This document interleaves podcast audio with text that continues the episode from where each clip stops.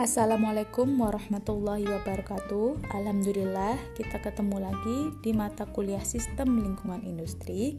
Pada minggu ini, kita akan berdiskusi tentang green manufacturing. Nah, uh, green manufacturing ini atau kita biasa sebut manufaktur hijau sebenarnya adalah uh, sebuah istilah aja ya. Dan istilah ini bisa kita lihat dari bagaimana sebuah perusahaan itu menjalankan aktivitas manufakturnya. Nah, mungkin uh, alasannya mengapa sih perusahaan itu perlu uh, melibatkan aspek-aspek lingkungan atau kenapa sih perusahaan itu perlu menjadi sadar lingkungan?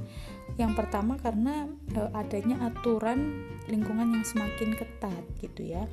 Kemudian uh, tren pelanggan saat ini tuh juga mereka lebih prefer kepada produk-produk yang ramah lingkungan gitu.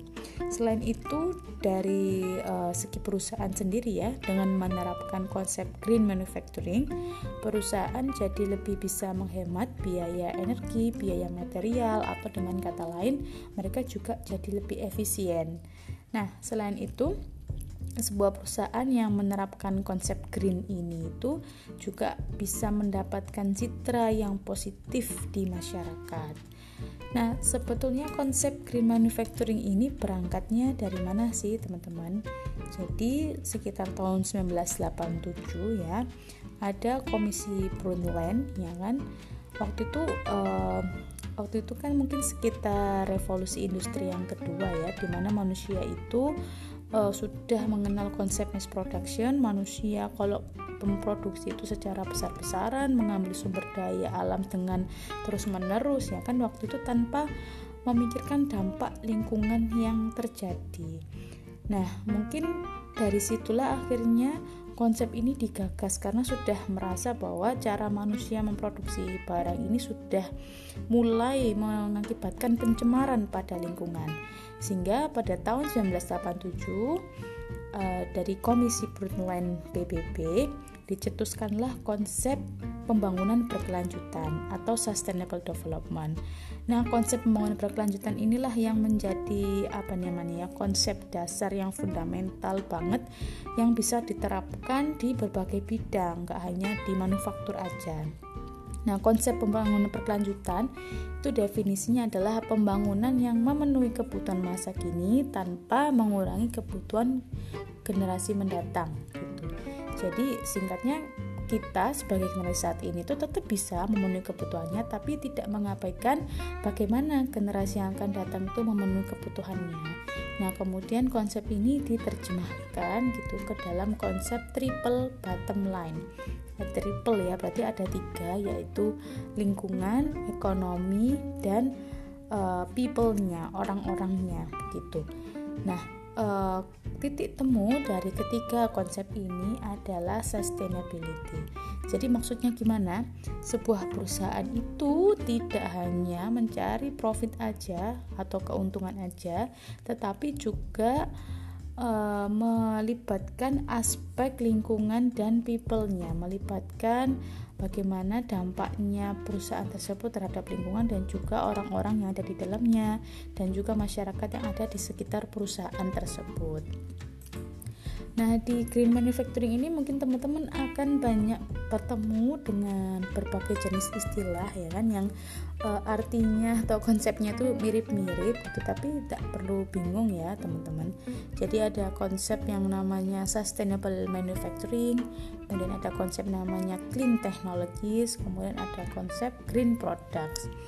Oke, kita bahas satu-satu ya kalau sustainable manufacturing jadi sudah ada ada kata sustain ya berarti uh, sustainable manufacturing ini adalah sebuah manufaktur yang menerapkan konsep triple bottom line.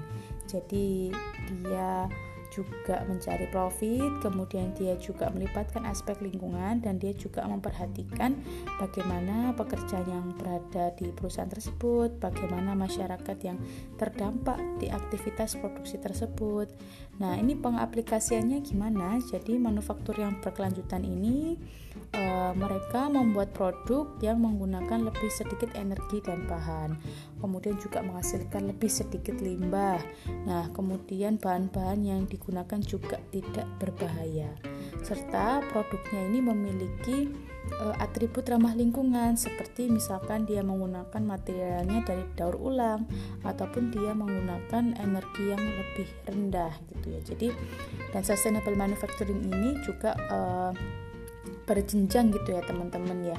Jadi perusahaan e, belum misalkan dia ingin menerapkan konsep uh, sustainable manufacturing. Nah, tapi biasanya mereka lakukan itu secara bertahap. Nah, ini nanti teman-teman akan menemukan banyak istilah juga green manufacturing, clean manufacturing atau sustainable production. Jadi ini sebenarnya satu konsep yang sama gitu ya, teman-teman. Biasanya sustainable manufacturing itu kalau misalkan lebih fokus lagi kepada lingkungan maka sebutannya green manufacturing gitu. Tapi green manufacturing sendiri biasanya dia juga sudah sustainable gitu. Jadi sebenarnya ini adalah istilah-istilah yang e, merujuk pada konsep yang sama gitu. Kemudian adalah ada lagi istilah clean technology atau green technology juga bisa ya teman-teman. Nah, ini namanya teknologi berarti dia lebih e, teknis lagi gitu. Berarti ada e, bagian di dalam manufaktur itu itu jadi uh, penggunaan teknologi ya kan? Penggunaan teknologi untuk melakukan perlindungan lingkungan ya.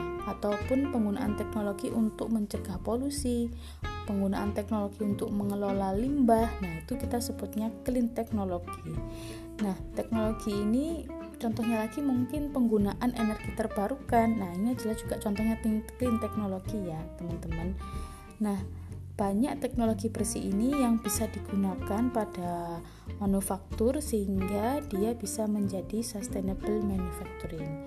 Kemudian green product ya berarti kalau kita ngomongin produk berarti adalah hasilnya gitu.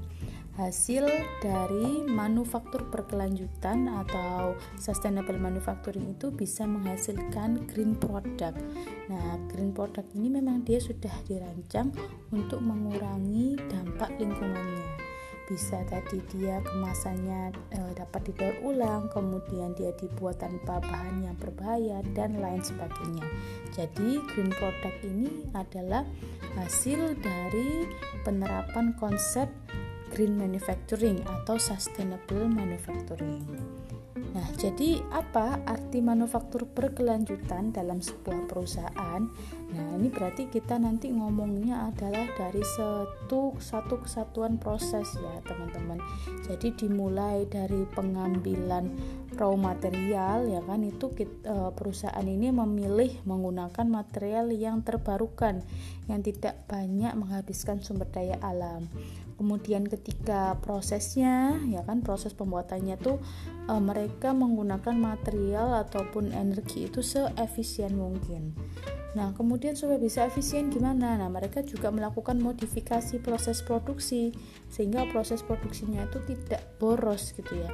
Tidak wasting energi and material terlalu banyak dan juga bagaimana limbah yang dihasilkan itu seminimum mungkin kemudian dari segi distribusinya ya kan e, mereka berusaha menciptakan proses distribusi yang lebih efisien misalkan dengan mengurangi e, berat kemasan gitu ya kan. Kemudian memilih metode transportasi yang efisien itu juga menjadi perhatian mereka.